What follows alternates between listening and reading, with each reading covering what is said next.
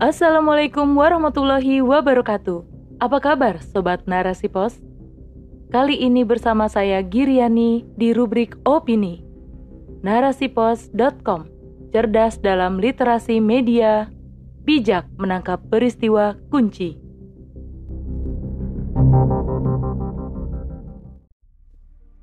Pembunuhan berencana oleh wanita. Inikah buah kesetaraan gender oleh Ira Rahmatia. Wanita acap kali dikenal dengan tutur katanya yang lembut, penyayang, serta sikapnya yang ramah karena memiliki fitrah sebagai kaum ibu. Namun, pergeseran peran yang banyak terjadi saat ini ternyata mengikis rasa empati juga kasih sayang seorang wanita salah satu contoh kasus sebagai bukti terkikisnya rasa empati dan kasih sayang seorang wanita seperti yang dilansir dari oknews.com. Seorang wanita di Florida, Amerika Serikat, bahkan sampai menyewa pembunuh bayaran untuk melampiaskan sakit hatinya terhadap wanita yang telah berkencan dengan mantan pacarnya. Tidak tanggung-tanggung, wanita tersebut mengeluarkan biaya sekitar 15.000 US dollar atau sekitar 215 juta rupiah untuk membayar sang pembunuh bayaran tersebut. Tidak hanya terjadi di luar negeri, kasus serupa juga terjadi di Indonesia. Pada 10 Februari 2022, terjadi kasus pembunuhan terhadap koki muda di TPU Ulu Jami yang dilakukan oleh seorang pembunuh bayaran. Setelah diselidiki, Ternyata, otak pelaku pembunuhan tersebut adalah seorang wanita berinisial LM. Ia terpaksa melakukan hal tersebut karena kesal terhadap korban yang telah merusak motornya. Contoh kasus lainnya, seorang istri memakai jasa pembunuh bayaran untuk membunuh suaminya sendiri. Ia mengaku bahwa suaminya kerap kali menganiaya dirinya dengan keji, sehingga muncullah niatnya untuk membalas dendam atas semua perlakuan keji suaminya. Pada awalnya, kejahatan yang dilakukan oleh wanita terbatas pada jenis-jenis kejahatan yang berpola seksual seperti aborsi dan prostitusi. Namun, seiring berkembangnya zaman, banyak kondisi sosial yang memaksa wanita untuk bertahan hidup, bahkan sampai melakukan tindak kriminal yang biasa dilakukan oleh kaum pria seperti perampokan, perjudian, penipuan, bahkan pembunuhan secara langsung maupun tidak langsung. Keterlibatan sosok wanita dalam kriminalitas merupakan dampak negatif pemikiran kesetaraan gender. Slogan kesetaraan ini sering digaungkan oleh kaum feminis untuk mendorong wanita agar berperan sama atau setara dengan kaum laki-laki, bahkan ingin bisa melampauinya. Akhirnya, wanita terdorong untuk aktif pada kehidupan umum.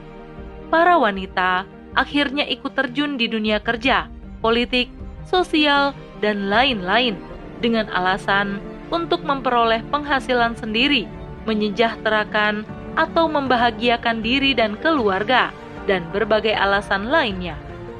Mereka berbaur dengan laki-laki tanpa ada batas, waktu, dan lain-lain sehingga tak dapat dimungkiri, permasalahan wanita pun akhirnya bertambah, termasuk kriminalitas wanita dalam kehidupan umum. Tuntutan ekonomi dan akidah masyarakat yang rapuh membawa dampak negatif di masyarakat, sampai-sampai kemudahan informasi digunakan sebagai peluang bisnis yang berkaitan dengan nyawa seseorang. Jika dahulu orang-orang mengenal pembunuh bayaran adalah aktivitas klandestin atau rahasia. Namun kini, pembunuh bayaran tampil secara bebas mengiklankan jasa mereka secara online. Maka tak heran ada pula yang tertarik untuk menggunakan jasanya tanpa malu-malu. Kemajuan teknologi di negara adidaya di bawah sistem kapitalisme jelas tak mampu melindungi keamanan kaum wanita dan memberantas kriminalitas secara tuntas. Tidak ada tindakan preventif, juga efek jerah yang dapat ditakuti oleh para pelaku, membuat permasalahan seperti ini sering kali terulang terjadi. Kehidupan yang jauh dari nilai agama akan memicu berbagai masalah baru.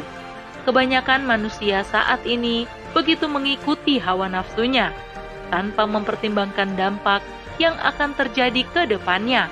Standar kebahagiaan hidupnya pun hanya berbasis kebahagiaan semu atau bersifat sementara. Begitulah efek kebebasan dalam naungan demokrasi saat ini. Masyarakat dibiarkan bebas untuk berpendapat, berekspresi, dan berperilaku sampai mereka tidak tahu lagi mana batasan yang tidak boleh dilakukan. Adapun akidahnya ialah sekulerisme, akidah yang memisahkan kehidupan manusia dengan nilai-nilai agama yang dianutnya.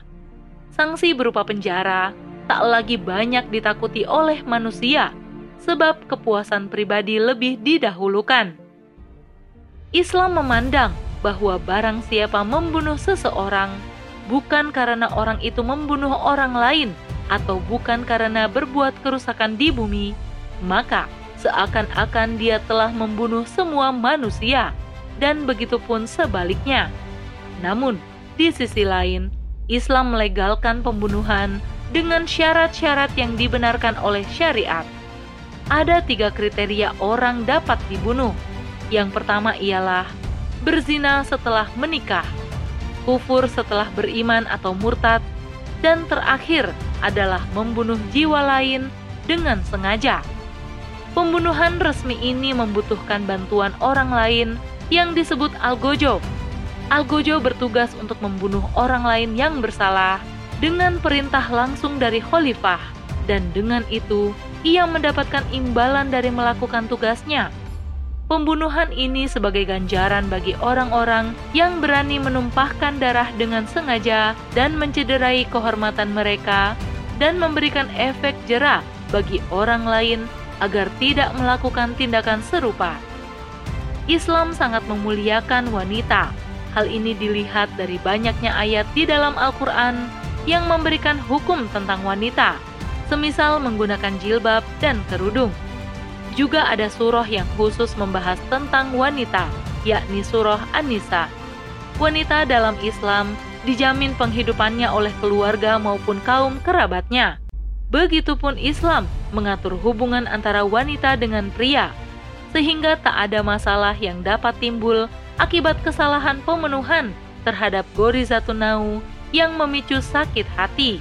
Maka, dengan aturan seperti ini, menjadi pencegah terjadinya segala tindakan yang dapat terjadi akibat kurangnya pemahaman manusia dengan agamanya.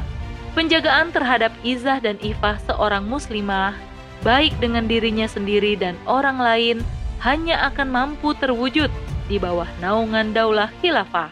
Wallahu a'lam bishawab.